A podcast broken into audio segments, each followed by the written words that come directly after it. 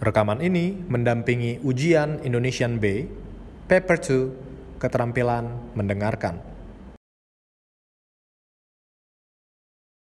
Cet enregistrement accompagne le spécimen d'épreuve de langue B, niveau supérieur, épreuve 2, compréhension orale d'anglais. Esta grabación acompaña el examen de muestra de lengua B, nivel superior, prueba 2, comprensión auditiva de inglés.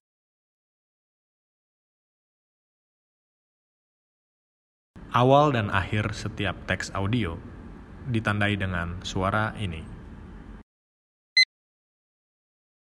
Le début et la fin de chaque texte audio seront indiqués par ce son.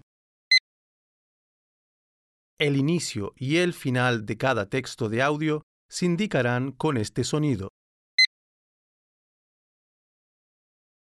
Akhir ujian ditandai oleh suara ini.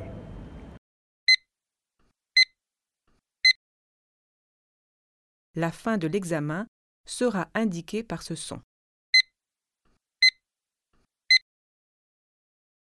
El final del examen se indicará con este sonido.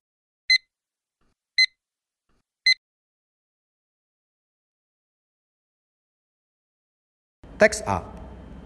Anda mempunyai 4 menit untuk membaca pertanyaan.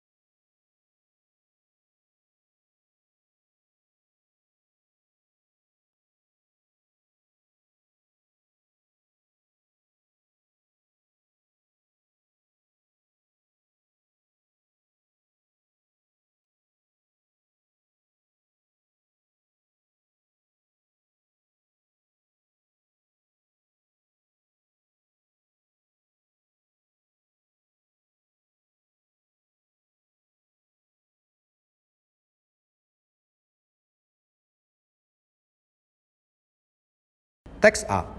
Anda akan mendengarkan suara dari sebuah film dokumenter mengenai produksi listrik dari batu bara di Indonesia.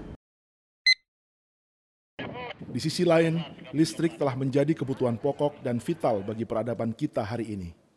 Dari mulai rumah tangga, ruang operasi di rumah sakit, hingga untuk menggerakkan mesin-mesin. Warga yang mengeluh atau marah akibat pemadaman atau nyala bergilir setiap hari menghiasi media sosial kita. Jangan nanti saya datang ke sini masih biarpet, biarpet, biarpet. Suara yang saya dengar biarpet, biarpet terus. Nggak mau saya seperti itu. Semuanya harus diantisipasi. Sebelum kejadian harus sudah dihitung sekarang. Dan untuk itu, batu bara adalah energi yang paling murah dan cepat dibandingkan sumber energi lainnya. Biaya memproduksi listrik dari bahan bakar batu bara hanya Rp600 per kilowatt jam atau per 1 kWh. Sedangkan bahan bakar gas sekitar Rp1.000 dan BBM bisa Rp1.600 per kWh. Adapun energi terbarukan seperti matahari bahkan mencapai Rp2.900 setara per kWh. Lantas mengapa batu bara paling murah? Jawaban singkatnya, karena ongkos lingkungan sosial ekonomi, dan bahkan keselamatan umum serta kesehatan masyarakat dibebankan kepada mereka yang terdampak. Menurut rencana usaha penyediaan tenaga listrik atau RUPTL, hingga tahun 2027, 54 persen listrik kita masih dari batu bara. Sementara energi terbarukan seperti angin, matahari, dan air hanya sekitar 22 persen. Dari dokumen tentang kepemilikan perusahaan di Departemen Hukum dan HAM, putra sulung Presiden Joko Widodo, Gibran Rakabuming Raka, pernah tercatat sebagai pemegang saham dan komisaris PT Rakabu Sejahtera yang saat ini telah digantikan adiknya, Kaisang Pangarep. Namun saham perusahaan mebel ini tidak hanya dimiliki keluarga Jokowi. Juga ada saham PT Toba Sejahtera milik keluarga Luhut Binsar Panjaitan. Grup Toba Sejahtera sendiri adalah induk perusahaan PT Toba Bara yang memiliki tambang batu bara dan PLTU dan baru saja membeli saham Sandiaga Uno di PLTU Paiton, Jawa Timur. Tapi apa kepentingan perusahaan induk seperti Toba Sejahtera dengan sebuah perusahaan mebel asal Solo? Dalam dokumen perusahaan, bidang usaha PT Rakabu Sejahtera sesungguhnya tidak hanya mebel, namun juga meliputi pembangunan atau konstruksi, pembebasan lahan, real estate, properti. Anda mempunyai dua menit sebelum mendengarkan rekaman untuk kedua dan terakhir kalinya.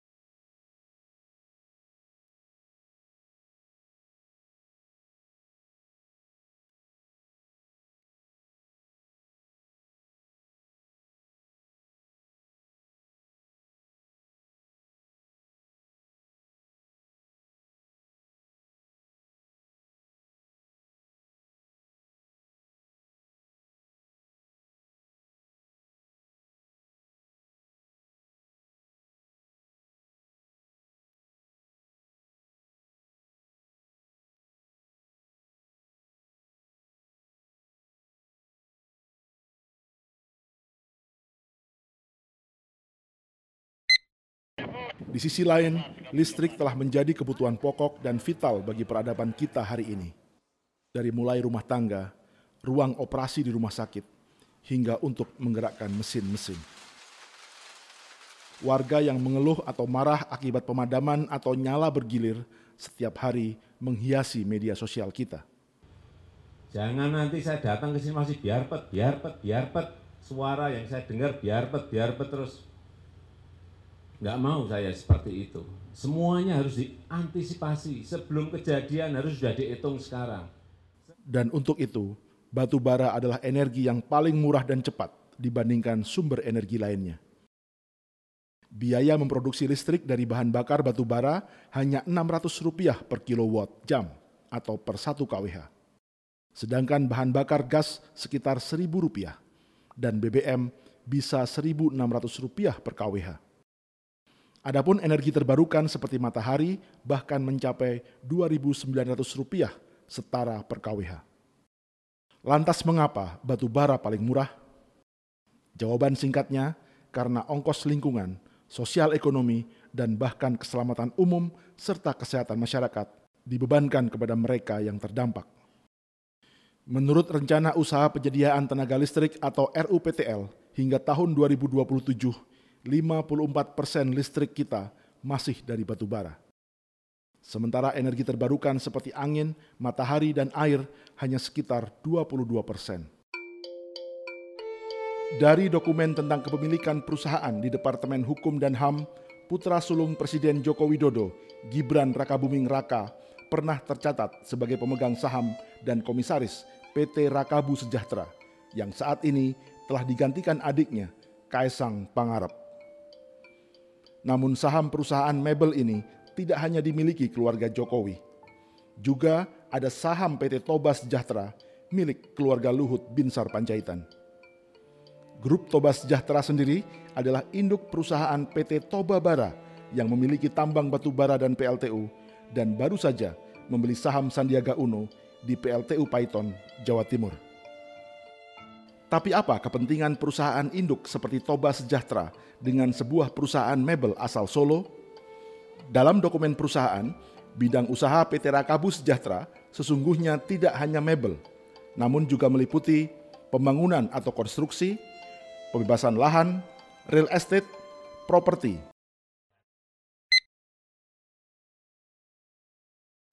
Anda mempunyai 2 menit 30 detik untuk menjawab semua pertanyaan sampai selesai.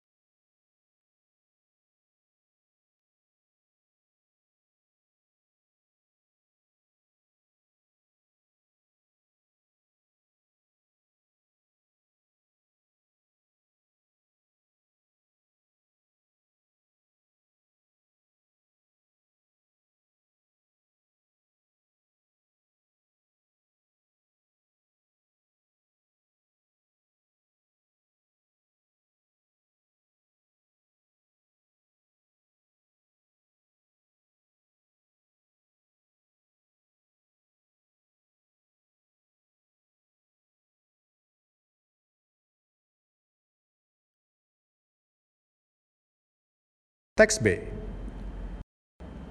Anda mempunyai 4 menit untuk membaca pertanyaan.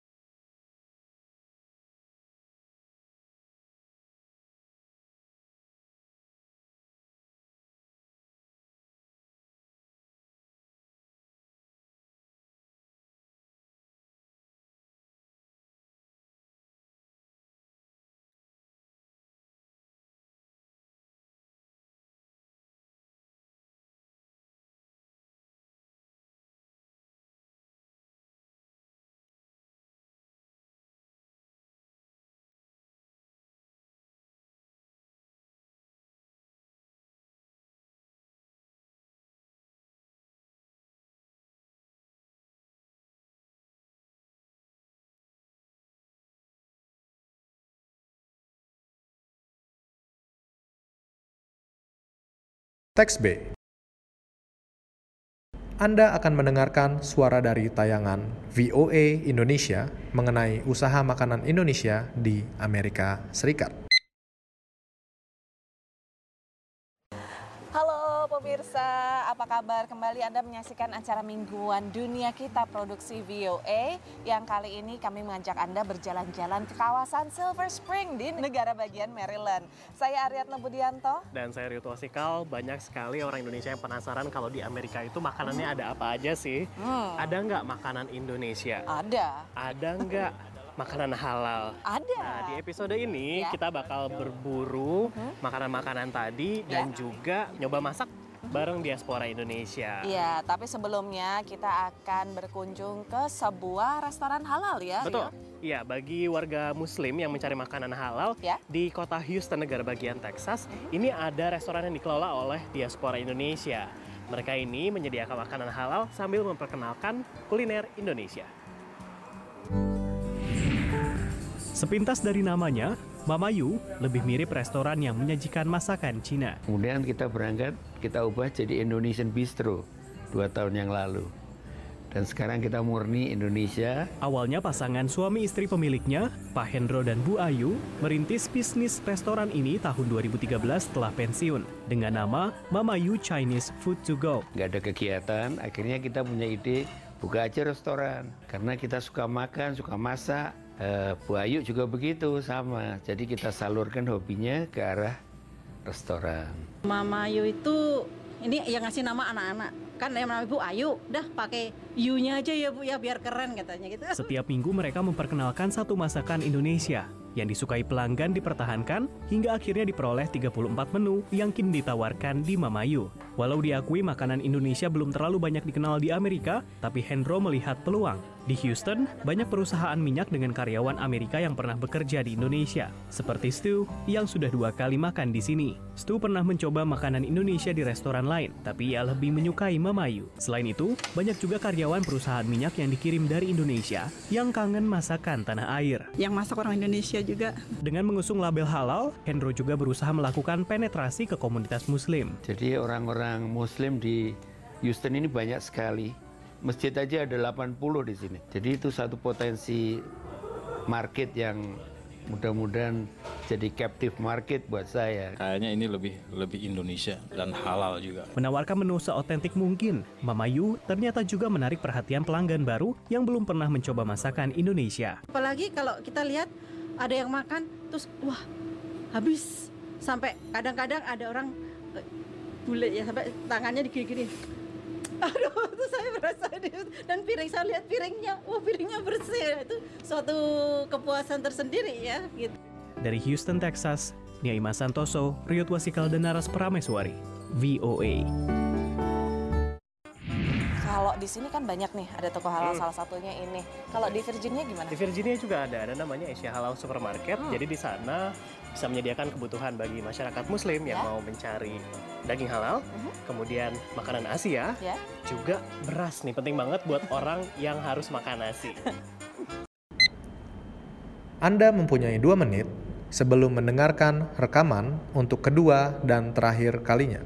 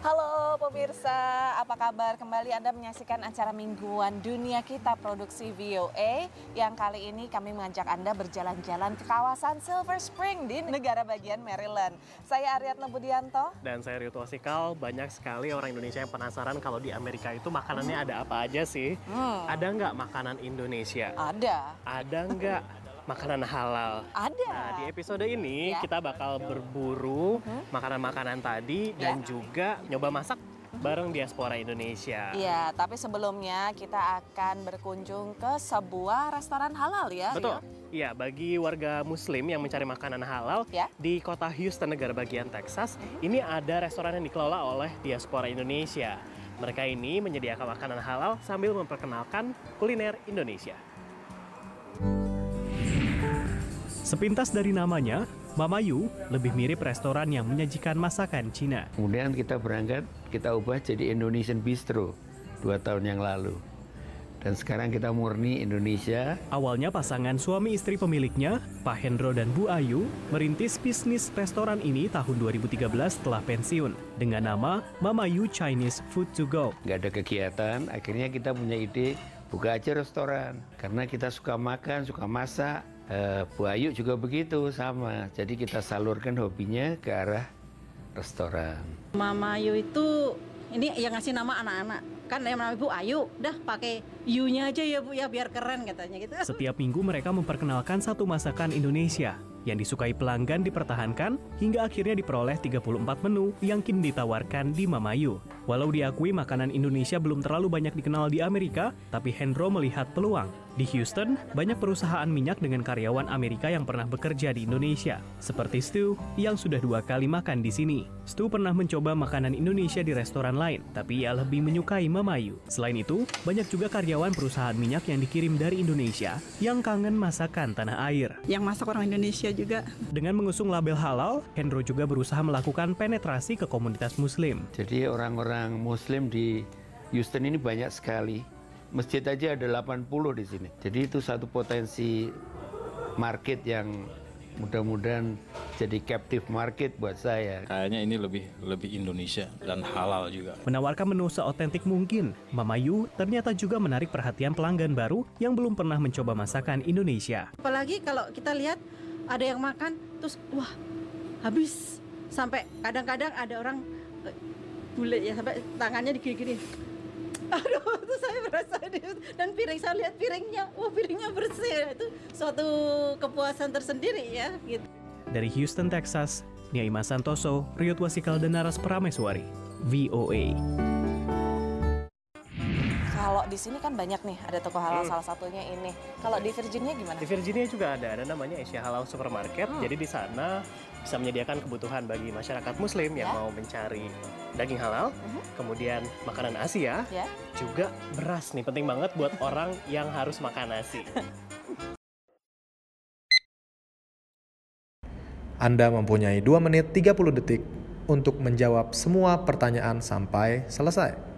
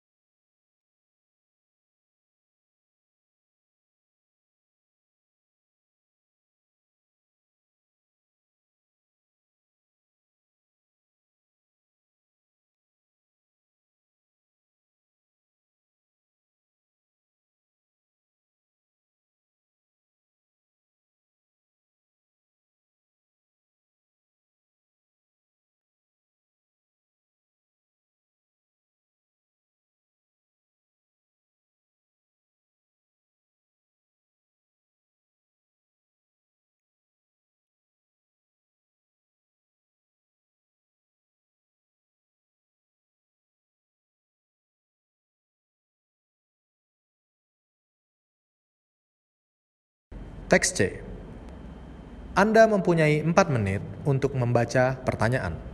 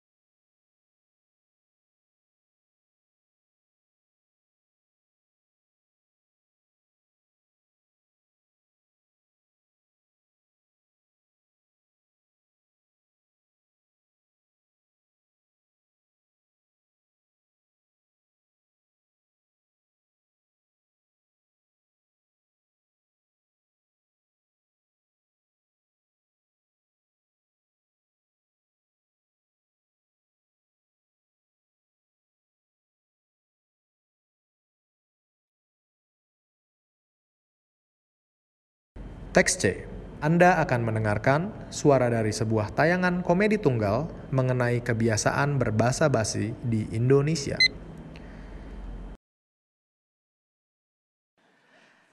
Selamat malam.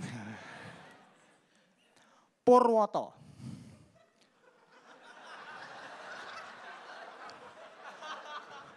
Wahyudi. Tugimin. Juminten. Kita baru denger nama-nama ini aja, udah bisa menyimpulkan bahwa ini tuh orang-orang Indonesia, ya kan?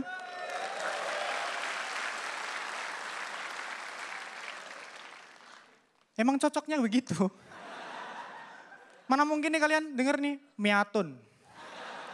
Ini kayaknya orang Uzbek nih kayaknya. Gak mungkin. Gak mungkin. Kalau kalau orang Uzbek gak mungkin Miatun. Miatov mungkin ya. Kalaupun ada orang luar negeri kok pakai nama Indonesia, itu kayaknya nggak cocok gitu, kayak kedengarannya aneh gitu. Misalnya nih, Alexander Purwoto.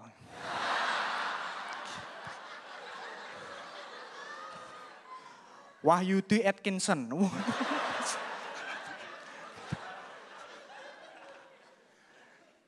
Dari nama-nama aja kita bisa tahu dan nggak cuma dari namanya aja. Kita bisa kenal orang Indonesia itu dari kebiasaannya. Basa basi. Orang Indonesia itu basa basi banget. Tujuannya bagus ya, mau mau apa ramah, ya kan? Saya pernah nih naik bus dari Semarang ke Jakarta. Biasanya kalau ketemu, ini di samping saya itu kebetulan bapak-bapak. Biasanya ketemu kan kita sapa pakai ini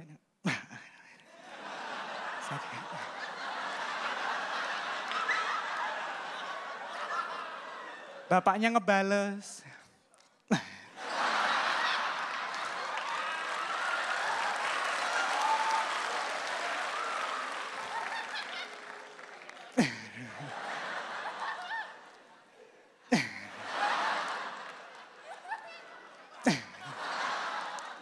Udah ya Pak ya, capek ini Pak.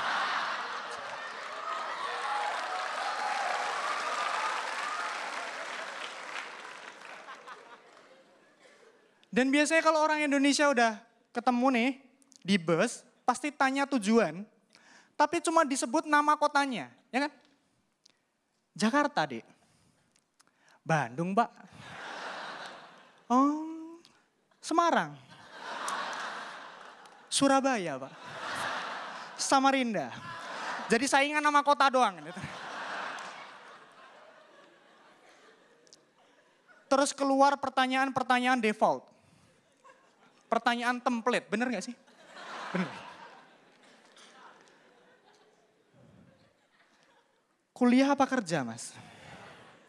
Kalau saya yang ditanya masih enak ya. Kuliah apa? Saya kuliah di Salatiga. Hmm, gitu. Gak sembarangan orang loh bisa ditanya begitu loh. Masa iya bapaknya ketemu gelandangan? Mas, kuliah apa kerja? Maksud bapak apa? Hah? Maksud bapak?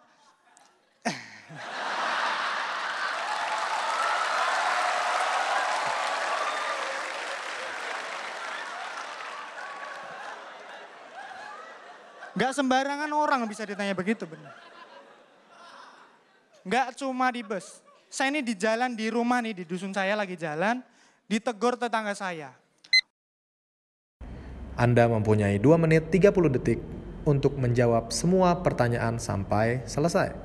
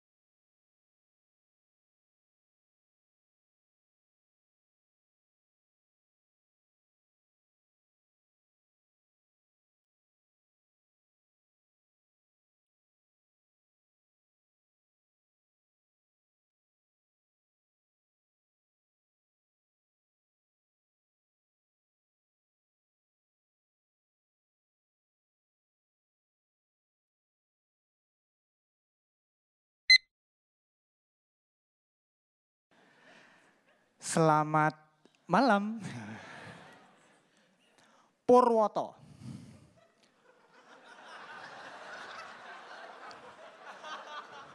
Wahyudi.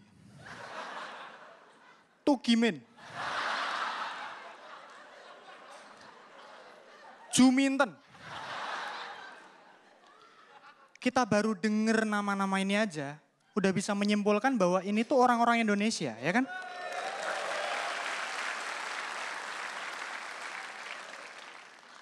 Emang cocoknya begitu.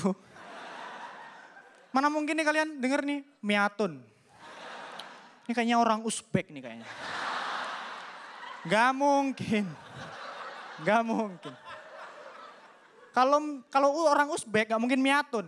Miatov mungkin ya. Kalaupun ada orang luar negeri kok pakai nama Indonesia, itu kayaknya nggak cocok gitu, kayak kedengarannya aneh gitu.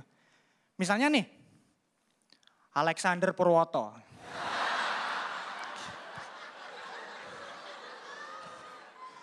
Wahyudi Atkinson.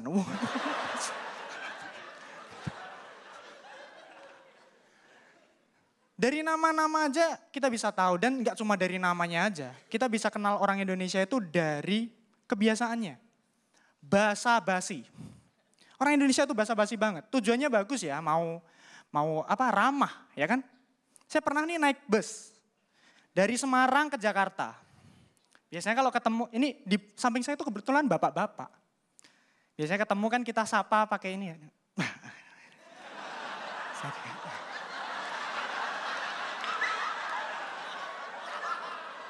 Bapaknya ngebales.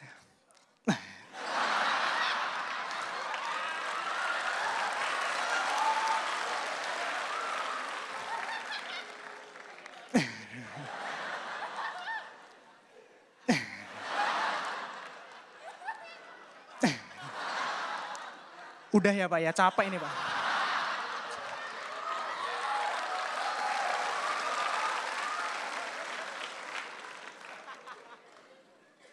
Dan biasanya kalau orang Indonesia udah ketemu nih di bus, pasti tanya tujuan, tapi cuma disebut nama kotanya, ya kan? Jakarta, Dek. Bandung, Pak. Oh, Semarang. Surabaya, Pak. Samarinda. Jadi saingan nama kota doang. Terus keluar pertanyaan-pertanyaan default. Pertanyaan template, bener gak sih? Bener. Kuliah apa kerja mas? Kalau saya yang ditanya masih enak ya. Kuliah apa? Saya kuliah di Salatiga. Hmm, gitu. Gak sembarangan orang loh bisa ditanya begitu loh. Masa iya bapaknya ketemu gelandangan? Mas, kuliah apa kerja? Maksud bapak apa? Hah? Maksud bapak?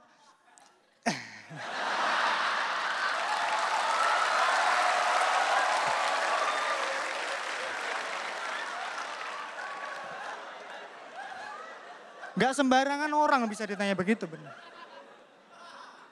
Gak cuma di bus. Saya ini di jalan di rumah nih, di dusun saya lagi jalan, ditegur tetangga saya. Kini Anda dapat memakai sisa waktu untuk menyelesaikan semua pertanyaan yang belum dijawab.